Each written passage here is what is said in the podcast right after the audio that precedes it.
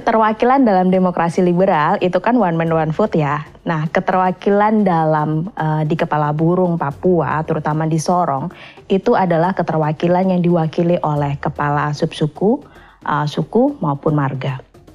Dengan kemenangan yang dimiliki untuk mengambil suatu kebijakan, dia bisa apa saja mengambil satu keputusan. Bisa apa saja, ada potensi dia untuk bertindak sesuai dengan keinginan dia pribadi. Tetapi hal ini yang menarik lagi tidak dilakukan biasanya oleh pimpinan atau tokoh tadi. Pertanyaannya adalah mengapa? Apabila mendengar kata demokrasi, salah satu kata kunci yang menjadi ciri adalah keterwakilan. Di Indonesia, demokrasi diwujudkan melalui sistem pemilihan umum atau yang biasa kita kenal dengan pemilu. Pemilu digunakan untuk memilih wakil-wakil sebagai representasi kepentingan masyarakat dalam membuat kebijakan. Namun, siapa sangka bentuk keterwakilan melalui pemilu yang selama ini kita kenal itu kurang sesuai apabila ditetapkan dengan karakter masyarakat yang ada di kepala burung Papua. Penasaran bagaimana pembahasannya? Stay tune terus ya.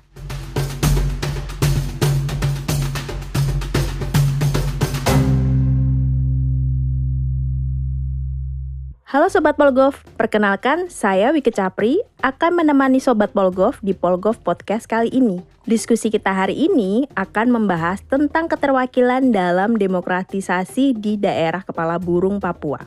Untuk membahas topik satu ini, kita sudah melakukan interview secara eksklusif dengan peneliti dari Departemen Politik dan Pemerintahan Visipol UGM. Peneliti ini sudah melakukan penelitian tentang keterwakilan di Papua Beliau adalah Haryanto atau yang lebih akrab disapa dengan Pak Har dan saya sendiri. Di sini kami akan membagikan cerita dan data yang menarik terkait dengan bentuk keterwakilan dalam demokrasi di wilayah Kepala Burung Papua. Tanpa berlama-lama lagi, yuk kita dengerin penjelasan tentang keterwakilan di Papua dari dua narasumber berikut ini. Kalau kita berbicara terkait dengan demokrasi, khususnya lagi kalau kita berbicara tentang keterwakilan, maka langkah pertama kita harus mencoba mendeskripsikan bagaimana kehidupan yang ada di Papua tadi. Masyarakat yang ada di situ, masyarakat Papua biasanya mengelompok dalam kelompok-kelompok etnis. Sebagaimana yang kita ketahui, di Papua itu beragam sekali etnis. Etnis kalau bisa kita katakan suku dan juga kalau kita berbicara tentang kelompok ini, etnis atau suku tadi, kita juga perlu mengetahui bahwa di situ ada juga pengelompokan-pengelompokan yang lebih kecil lagi di bawah kelompok etnis atau suku tadi, sub etnis lah atau sub suku gitu katakanlah, yang biasanya dikenal dengan sebutan keret. Bagaimana kehidupan yang ada di situ? Nah ternyata secara umum kalau kita berbicara kehidupan masyarakat yang ada di Papua, terutama sekali kehidupan uh, suku-suku yang ada di situ. Mereka itu terlekati oleh nilai-nilai tertentu. Mereka terlekati oleh tradisi-tradisi tertentu yang sudah sekian lama uh, ada di dalam kehidupan mereka seharian mereka. Nah, nilai-nilai atau tradisi tadi tentunya mewarnai bagaimana kehidupan mereka sehari-hari pada saat ini. Nah, kalau saya bisa bercerita di sini bahwa kehidupan masyarakat baik di tingkat suku atau yang lebih kecil lagi subsuku atau keret tadi, uh, di situ kehidupan tadi seperti saya katakan tadi nilai-nilai sangat kental sekali masih ada.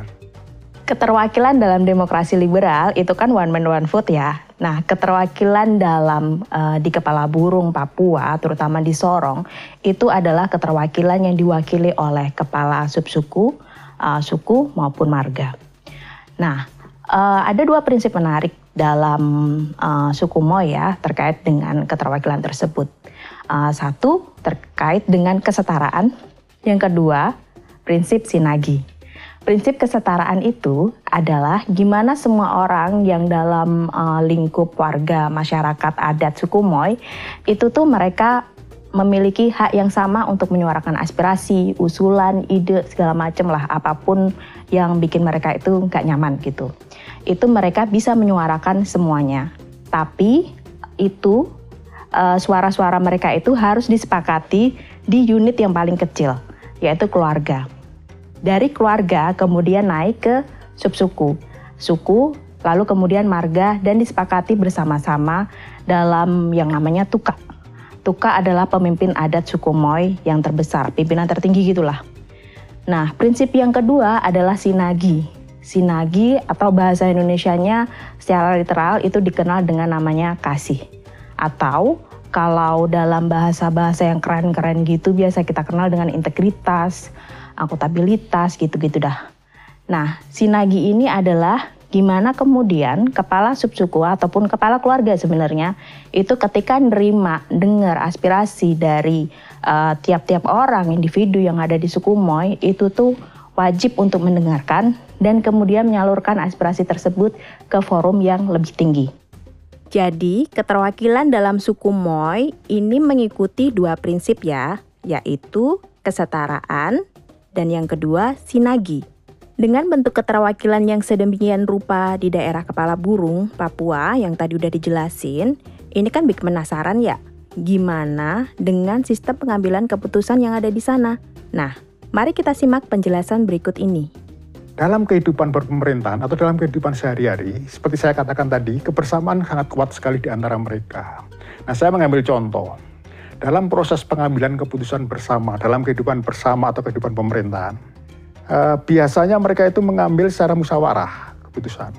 Mereka bermusyawarah, tetapi musyawarah itu belum tentu berhasil. Kadang-kadang alot. Nah, ini yang menjadi suatu persoalan. Kalau musyawarah tadi menemui deadlock, keputusan bersama tidak bisa diambil. Nah, mereka anggota-anggota masyarakat, misalnya di Keret begitulah, sub, sub suku tadi atau sub etnis tadi yang namanya Keret tadi, misalnya kemudian menyerahkan kepada uh, pimpinannya, pada pada pada pada, pada kepala Keretnya tadi, Nah, pimpinan tadi atau ke, uh, tokohnya tadi yang di yang dipercaya tadi, tentunya dia harus mengambil suatu keputusan-keputusan atau kebijakan-kebijakan yang ada di masyarakat situ karena dia memperoleh limpahan limpahan kewenangan yang berasal dari anggota masyarakat di situ yang seharusnya masyarakat di situ bermusyawarah dalam mengambil keputusan. Tapi karena tidak di, tidak ada titik temu, maka keputusan diambil secara uh, atas kesepakatan bersama diserahkan kepada pimpinannya, pada tokohnya. Jadi Sobat Polgov, musyawarah mufakat menjadi tonggak penting keterwakilan di Kepala Burung Papua. Ada pertanyaan menarik tentang keterwakilan dalam proses pengambilan keputusan tersebut. Apa itu? Hmm, pertanyaannya, kenapa sih kepala marga atau kepala subsuku atau kepala suku itu enggak menyalahgunakan kewenangan dan kepercayaan yang diberikan masyarakat kepada mereka? Jawabannya, Mari kita dengarkan bareng-bareng elaborasi dari Pak Har berikut ini. Mengapa pimpinan tadi atau kepala keret kalau di tingkat yang paling kecil tadi itu tidak menggunakan kesempatan untuk mengambil suatu keputusan atau kebijakan sesuai dengan keinginan mereka yang sedikit banyak otoritarian. Mengapa mereka selalu mengikuti atau mencoba uh, memperhatikan aspirasi-aspirasi anggota masyarakat yang ada di situ? Nah ini karena apa? Karena ada nilai di situ. Karena ada nilai di masyarakat. Nilainya apa? Nah, ada satu nilai yang menarik yang pernah saya teliti di situ, yang namanya itu adalah pertukaran kain timur.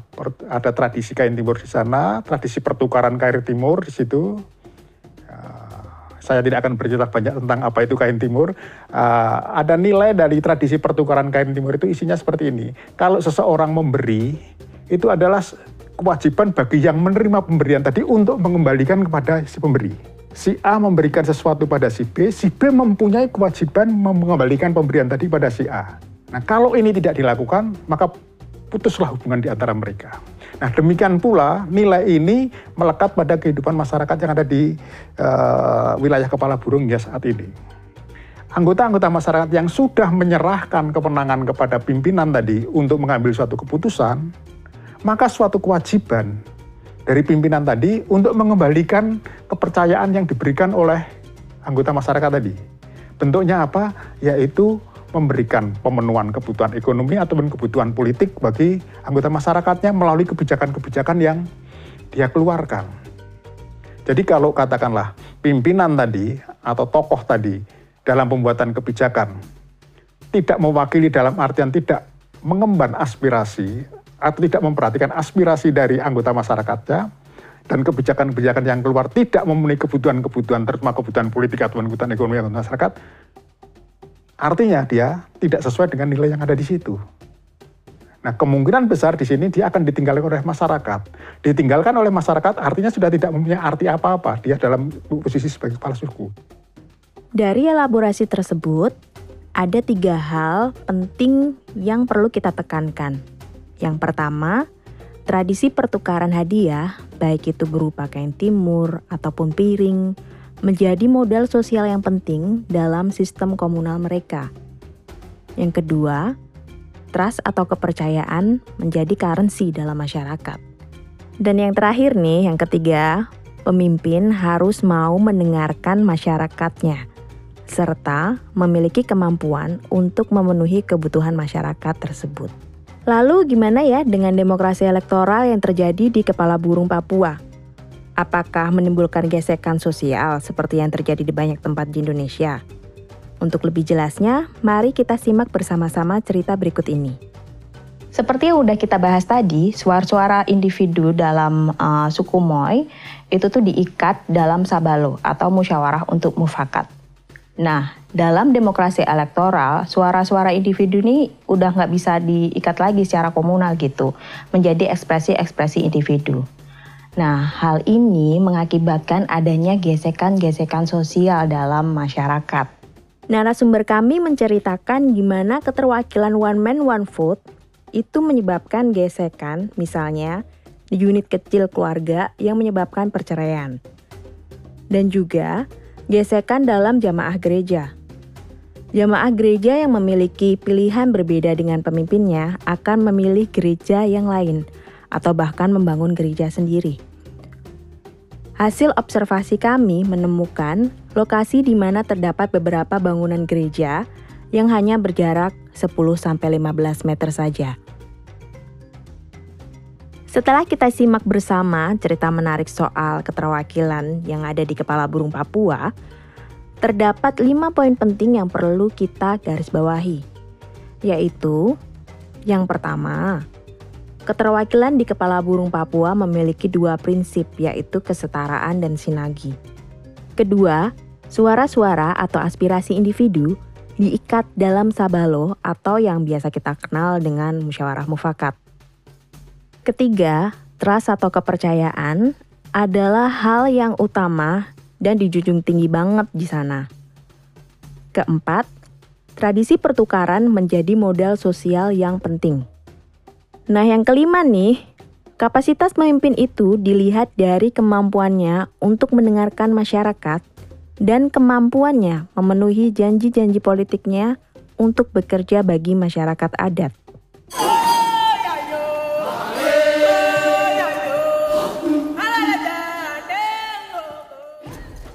Terima kasih untuk Sobat Polgov sekalian yang udah ngedengerin dan diskusi sama saya sampai akhir ya. Tetap jaga kesehatan dan jangan lupa bagiin ilmu yang didapat hari ini kepada orang-orang di sekitar Sobat Polgov. Tetap terhubung bersama kami ya, entah lewat Facebook, YouTube, Instagram, Twitter, atau yang paling baru kita ada loh akun di TikTok di @dppugm. Saya Wike Capri, pamit dulu ya. Sampai ketemu di edisi Polgov Podcast berikutnya. Bye!